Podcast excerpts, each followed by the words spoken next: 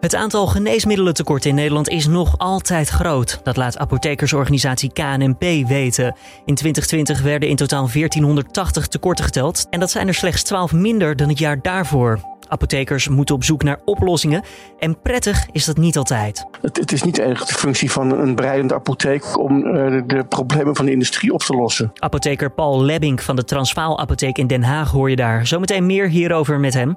Maar eerst kort eventjes het nieuws van nu. Mijn naam is Julian Dom. Het is vandaag donderdag 21 januari en dit is de nu.nl Dit wordt het nieuws middagpodcast. Een meerderheid van de Tweede Kamer is donderdag voor het plan van het kabinet om een avondklok door te voeren. Na een lang debat lijkt de Kamer te kiezen voor een tijd van 9 uur s avonds tot half 5 s ochtends. En daarmee start het straatverbod een half uurtje later dan aanvankelijk werd voorgesteld. De klok nog later in laten gaan zou de effectiviteit van de maatregel negatief beïnvloeden, al dus premier Mark Rutte. De maatregel is nodig om de verspreiding van het coronavirus verder in te dammen, zeker met het oog op de extra besmettelijke Britse variant die nu rondgaat.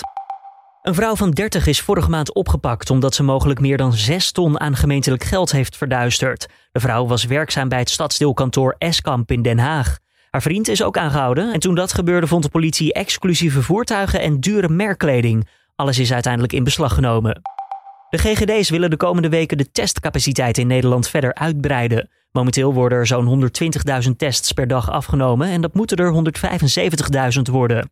Hoewel de volledige capaciteit op dit moment nog niet wordt benut, is opschalen wel nodig. De verwachting is dat de Britse variant van het coronavirus voor nieuwe toestroom in de teststraten zal zorgen.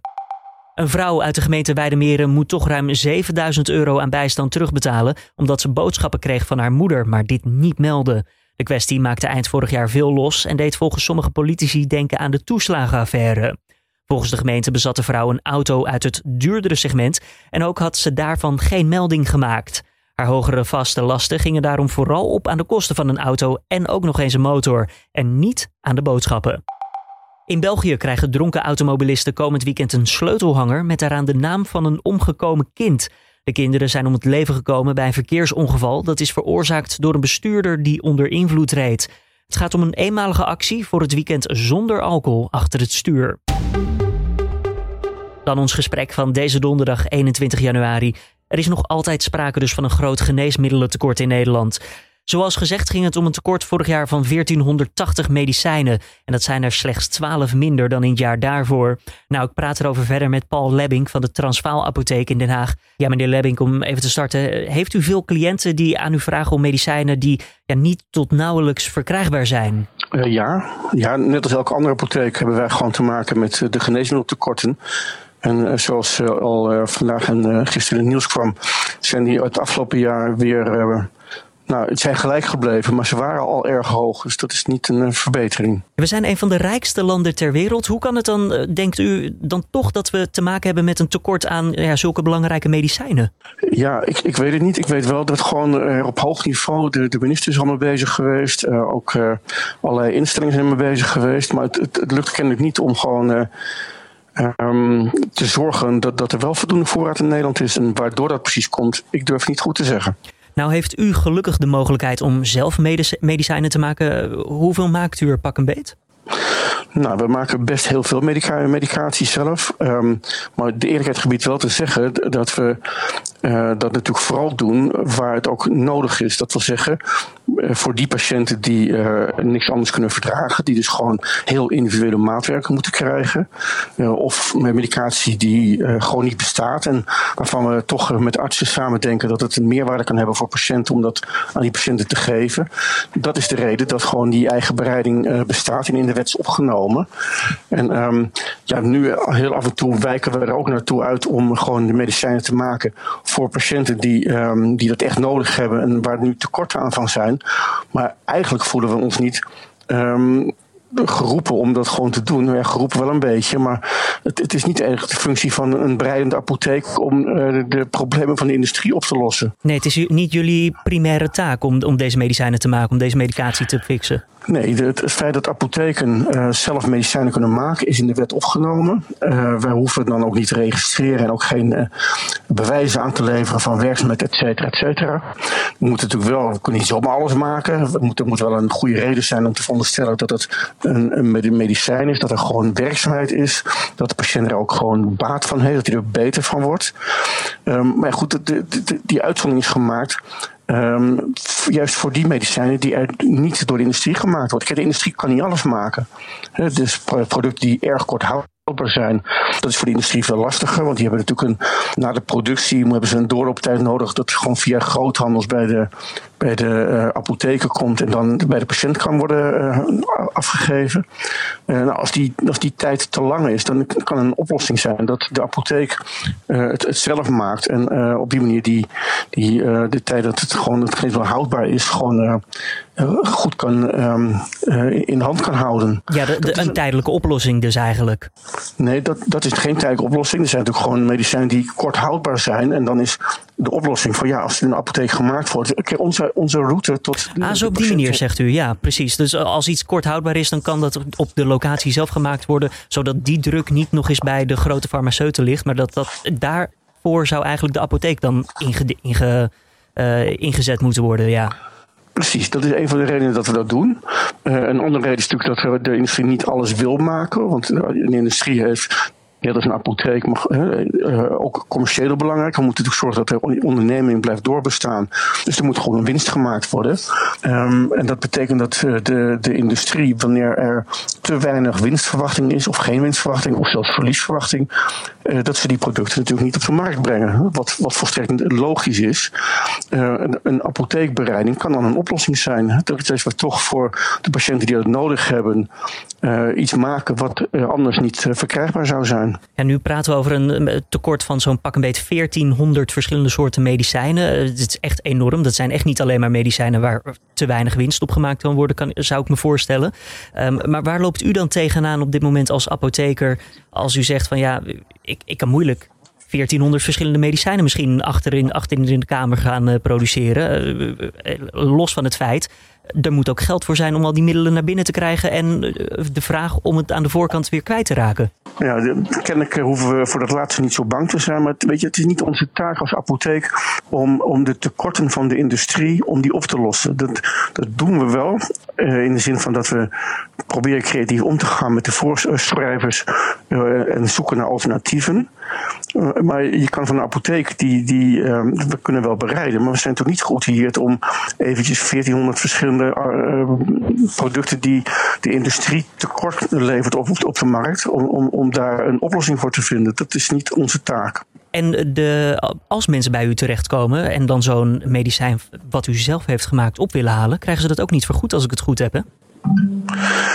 Ja, dat, dat, dat is een heel apart probleem. Um, kijk, het is natuurlijk zo dat wanneer wij wat maken, is het maatwerk. En gaat het echt over uh, Um, nou ja, een, kleinschalige bereiding. En iedereen begrijpt dat een kleinschalige bereiding een heel ander uh, en een veel hoger kostenplaatje met zich meebrengt als het gaat over de prijs per, per stuk.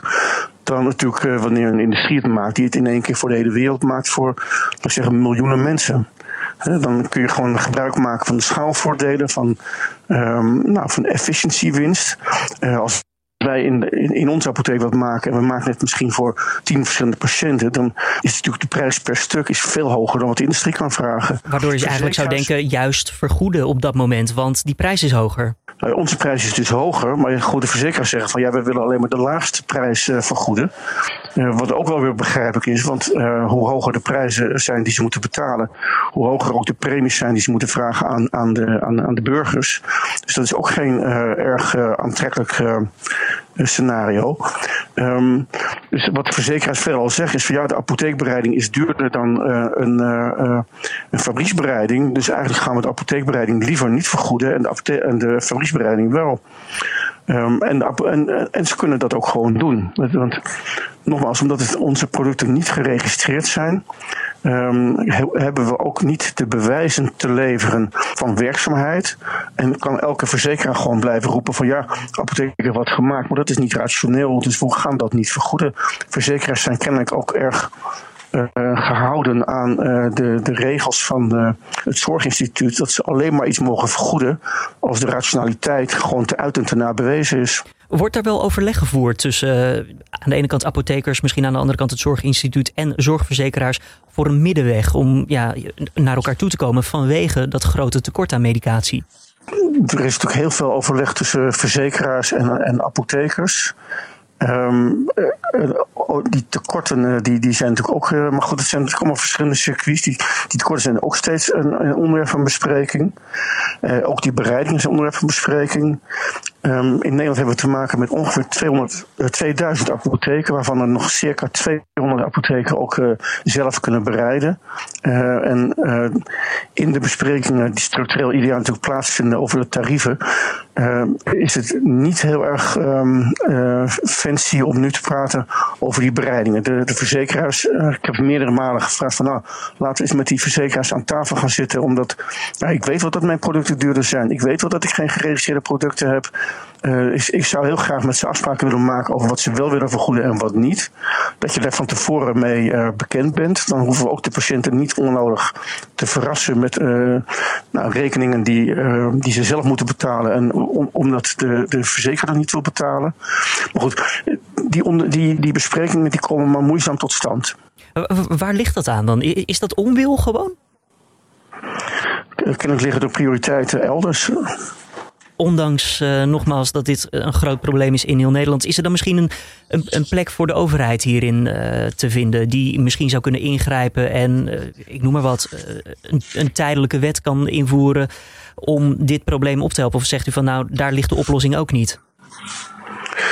Nou, de, de, overheid heeft het um, een beetje um, naar de markt toegeduurd. Hè. Die, die vindt ook dat gewoon gezondheidszorg een, markt is. En wil dat via de marktwerking dat um, het systeem werkt.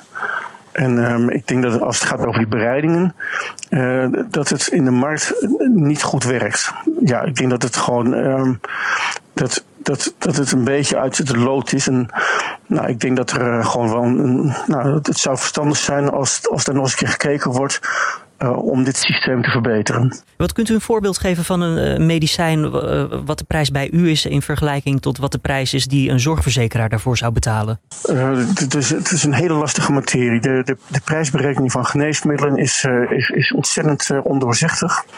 Um, maar in ieder geval begrijp je wel van wanneer wij aparte geneesmiddel maken en we zijn daar een uur mee bezig, dan, dan mag ik daar gewoon uh, voor, van de ene verzekeraar mag ik daar 15 euro voor rekenen en van een andere verzekeraar 12 euro. Gewoon om, om, om daar een uur mee bezig te zijn. En ja, dat, is natuurlijk ook al dat er verschillende verzekeraars allemaal verschillende prijzen daarvoor betalen. Is, is ook al veelzeggend. Dat is ook allemaal een soort van marktwerking en nou, misschien wel een beetje doorgeschoten. Het wordt u niet makkelijker gemaakt als apotheker in ieder geval als ik dit zo allemaal aanhoor. Als het gaat over de, de declaratie van uh, de eigen bereiding, is het een, een, een schier uh, ingewikkelde zaak. Ja, absoluut. Ziet u zelf nog wel licht aan het einde van de tunnel wat betreft medicijntekort in Nederland? Um, nou, met die tekorten, dat, dat ligt niet zo heel erg op mijn uh, bord. Dat is natuurlijk gewoon echt dat, uh, dat het nu gewoon opgepakt is door de overheid. De ministers zijn ermee bezig, ministeries zijn ermee bezig, verzekeraars krijgen ook steeds meer een rol toegespeeld. Um, en, en tot nu toe weten de apothekers toch over het algemeen wel oplossingen te vinden voor de, voor de, voor de meest uh, prangende problemen. Maar goed, het, het, moet gestopt worden, het moet uh, teruggedraaid worden. Het, is te gek dat een zo rijk land als dat wij zijn, uh, dat we gewoon vorig jaar 1400 verschillende geneesmiddelen niet aan patiënten konden leveren. De tijd is ook natuurlijk maar één keer te besteden. Als u achterin bezig bent met het maken van een medicijn, kunt u voorin de apotheek niet helpen bij toelichting van medicatie. Hoe werkt iets of advies of wat dan ook. Merkt u daar nog problemen? Nee, dat is in ieder geval in, in, in mijn situatie niet zo aan de orde. We hebben genoeg personeel die zowel uh, uh, de patiënten kan helpen op de goede manier, als ook aan de achterkant, wat onzichtbaar voor de patiënten, wel bezig is met de bereiding. Dan als laatste vraag, meneer Lebbink. ja, welke verandering zou u nu op korte termijn willen zien komen om ja, u als apotheker te helpen en ook om de mensen die nu medicatie nodig hebben te helpen? ja, ik, ik, ik hoop dat er gewoon op politiek niveau gewoon een, een, een doorbraak komt om dat men zegt van ja, dit, dit, dit kan zo niet langer. We gaan gewoon nu echt even alles op alles zetten om de tekorten uh, volgend jaar met de helft terug te brengen. En het jaar daarna weer met de helft. En dan dat we gewoon daarna zitten, weet je, gewoon, het valt nooit, nooit helemaal te, te vermijden, tekorten. maar 1400 voor zo'n rijk land als dat wij zijn, dat is absurd. Paul Lebbing van de Transvaal Apotheek in Den Haag. Ik wil u hartelijk danken voor uw toelichting. Graag gedaan. Tot volgende keer. Dan nog eventjes het weer van Weerplaza. De bewolking die overheerst in het weerbeeld en vanavond zal het al snel vanuit het zuiden gaan regenen. In de nacht naar vrijdag knapt het weer op en de minimum die ligt rond de 4 graden. Morgen schijnt de zon van tijd tot tijd en blijft het op een lokale bui na droog. Het wordt dan niet warmer dan een graad of 7. Om de middag mee af te sluiten, Arnold Schwarzenegger heeft zijn coronavaccinatie gekregen. De 73-jarige acteur had daarbij nog een boodschap voor iedereen. Alright, I just got my vaccine. And I will recommend it to anyone and everyone. Come with me if you want to live. Come with me if you want to live is een quote uit Terminator 2. Ja, de VS is deze week begonnen met het vaccineren van 65-plussers. En in Nederland worden ouderen vanaf volgende week ingeënt. Dit was dan de Dit wordt het nieuws middagpodcast van deze donderdag 21 januari. Tips of feedback zijn welkom. Laat het even weten via podcast.nu.nl. Mijn naam is Julian Dom. Ik wens je alvast een fijne avond toe. Morgenochtend zit mijn collega Carne van der Brink op deze plek met het nieuws van dan om 6 uur ochtends op de voorpagina van nu.nl.